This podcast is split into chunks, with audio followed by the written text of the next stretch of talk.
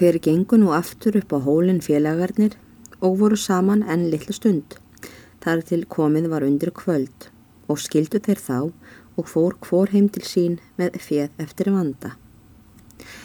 Þegar aðalsteinn háttaði um kvöldið heima á fossi, tóku Jórun til orða og mælti þannig til hans í áherð heimilisfólksins. Ég heyri sagt aðalsteinn litli að fólkið á neðstabæ ætli þér heldur en ekki að takast ferð á hendur. Aldrei hef ég heyrt því líka heimsku og æfiminni. Það er vist betra fyrir þig, drengur minn, að hlaupa ekki eftir öllu sem sumir á neðstabæ segja þér. Og segi það ekki til Gunnars því hann er alltjent skikkanlegur karlinn og hann hefur varðla spitt þessu í þig. Það eru einhverjir aðrir sem gera það. Ræðan varð ekki lengri því að aðalsteit þagði og svaraði engu. En í kyrþei áleitt hann sig nú lausan allra mála og undan þegin því að nefna skálholtsferð sína við jórunni og hafði hún sjálf tekið af honum þann vanda. Upp frá þessu hugsaði aðalstein ekki framar til þeirrar ferðar. Aðalstein situr nú hjá nokkura daga svo að ekki ber til tífinda og er byrjaður að kynna sér reikningsbókina. Hefur nú með sér skrifærin og reiknar dæmin í bókinni. Veður var hitt fegursta dag eftir dag og kom breyðdalingum þerrin að góðu gagni til að ná inn töðum sínum og er nú alhirt flest tónin í dalnum fyrir og síðar í vikunni. Þokan, þessi meinvættur smalanna Þessi hverflinda og fjölbreytilega óhemja er ímist byrgir, hauður og haf. Þokan hafði ekki gjört smalamönnum óskunda á þessu sumri. Hún hafði vart nokkur sinni látið sjá framann í sig og mátti heita að smalin á fossi þekkti ekki þá höfuð skefnu. En nú sem á vikuna leið var ekki trútt um að farið væri að sjá til hennar í norðrinu, bæði fymtudaginn og föstudaginn en þó fór hún óvenjulega hægt. Stundum satt hún uppi á jökultindinum, hæglátt og saklesisleg eins og brúða og let sér næja með að strjúka skallan á hennum hvítærða öldungi.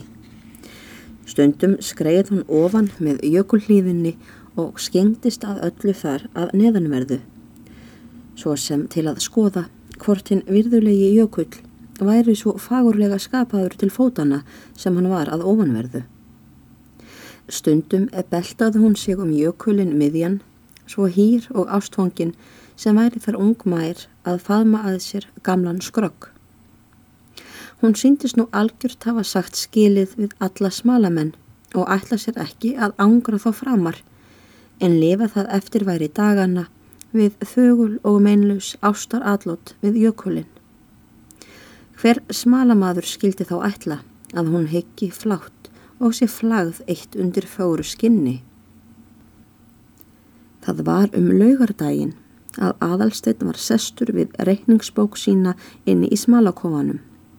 Var sólskinn að öðru kvoru og gætti þess lítið þó að einstakir þokunhóðrar tækja að sveima til og frá um geimin eftir myndegið.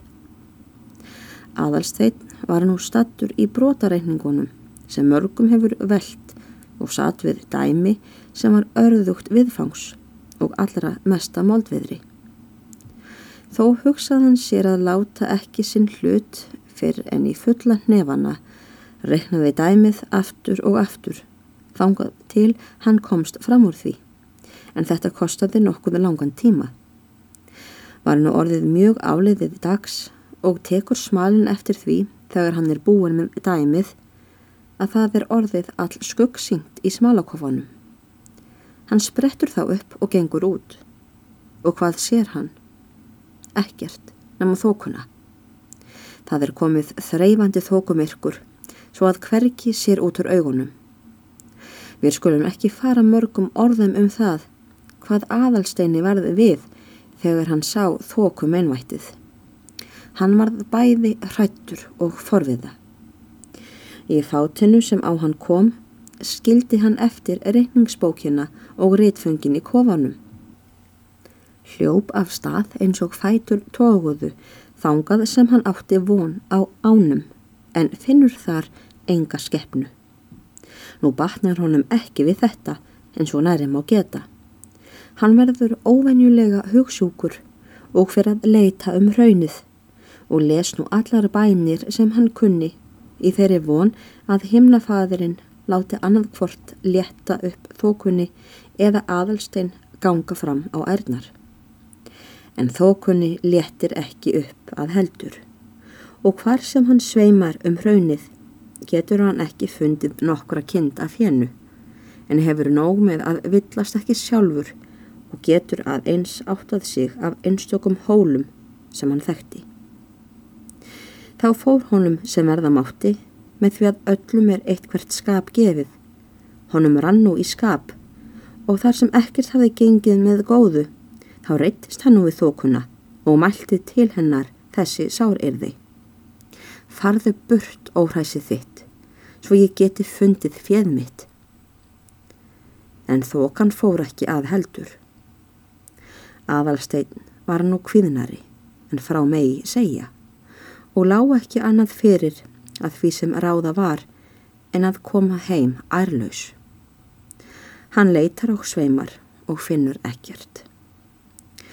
Loksins þykir honum ekki vera um annað að gjöra þar sem bæði hafa reyndar verið bænir og óbænir hvort tvekja, já árangur slust en að fara nú heim og segja hvar komið er og er þá komið fast að mjaltamáli er hann ræður þetta með sér. Í þeirri sveipan sem hann fast ræður þetta byrtist honum tröll aukin mynd í þókunni kippkorn frá og virðist honum myndin fara geist yfir og stefna þangað sem hann er.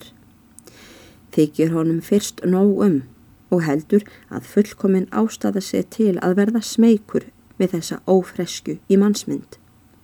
En er myndin færi snær, minkar hún óðum og verður æ líkari mennskum manni og loksins verður úr henni hvorki meira nefn minna en björn á hraunni og kemur hann hlaupandi til aðalsteins.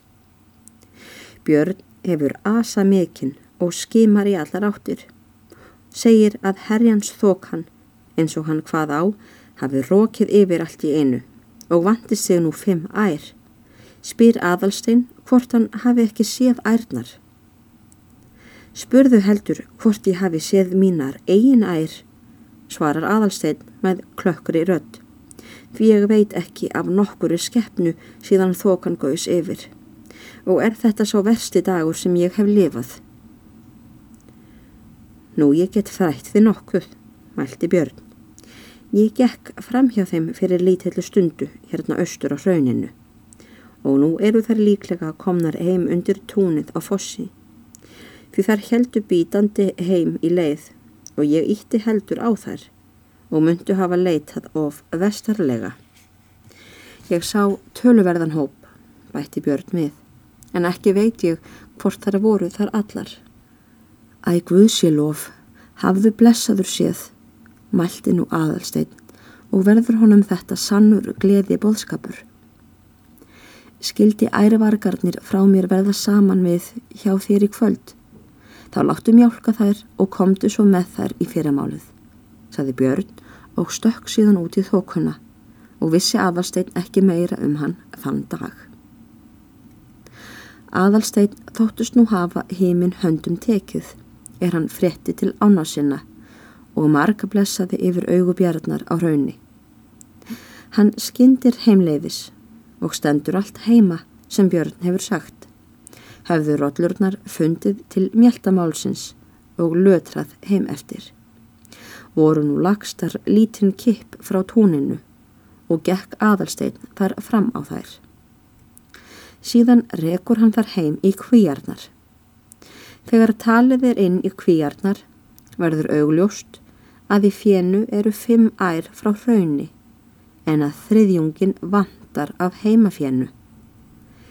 Gleði aðalsteins verður þannig skert mjög og endaslepp. Það sem Guðmundur frændi hans og húsbóndi hafi sagt honum til varúðar ef svo færi að þóku gerði var þetta. Ef þú sér að þókan ætlar að gjósa yfir, þá skaltu reka fjöð ofan úr rauninu og annað hvort heimaðu túni ef þokan kemur síðla dags eða þá að ánni fyrir neðan fossin og leifa þeim svo að dreifa sér neður með ánni því að þar verður þokan aldrei eins svört. Mundu að það taka þig nógu snemma í vara með þetta ef þoku gerir.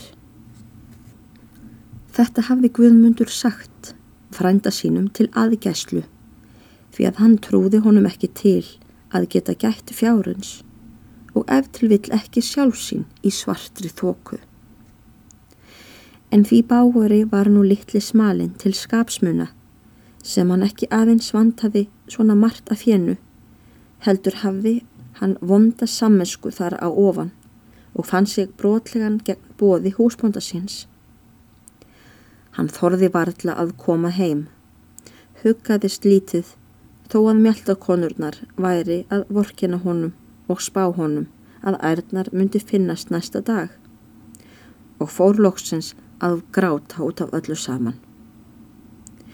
Þegar heim kom spurði Jórun hann tíðinda. Guðmundur var þá ókomin heim af engjónum en aðalsteit sagði hefði sanna af um vöndun fjárins. Það er líklega að því þú hugsar vel mikið um skálholtsferðina drengur minn, sagði Jórun nokkuð kaldranalega í skapi og gáur svo ekki að því sem þér er sagt. Snáfaðu nú í bælið, svo þú getur vaknan einhver tíma á morgun. Með þetta slapp aðalsteit að sinni og fór að hátta en ekki svaf hann mikið um nóttina.